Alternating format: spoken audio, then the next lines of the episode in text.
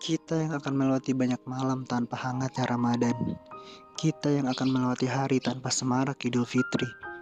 Kita yang terpaksa terasingkan dari kampung halaman. Kita yang terjeda bencana tanpa aba-aba.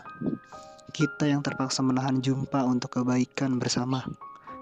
Tidak ada yang harus disesalkan. Segalanya terbingkai dalam satu kondisi yang akan selalu jadi pelajaran. Tetap jaga dirimu, kawan.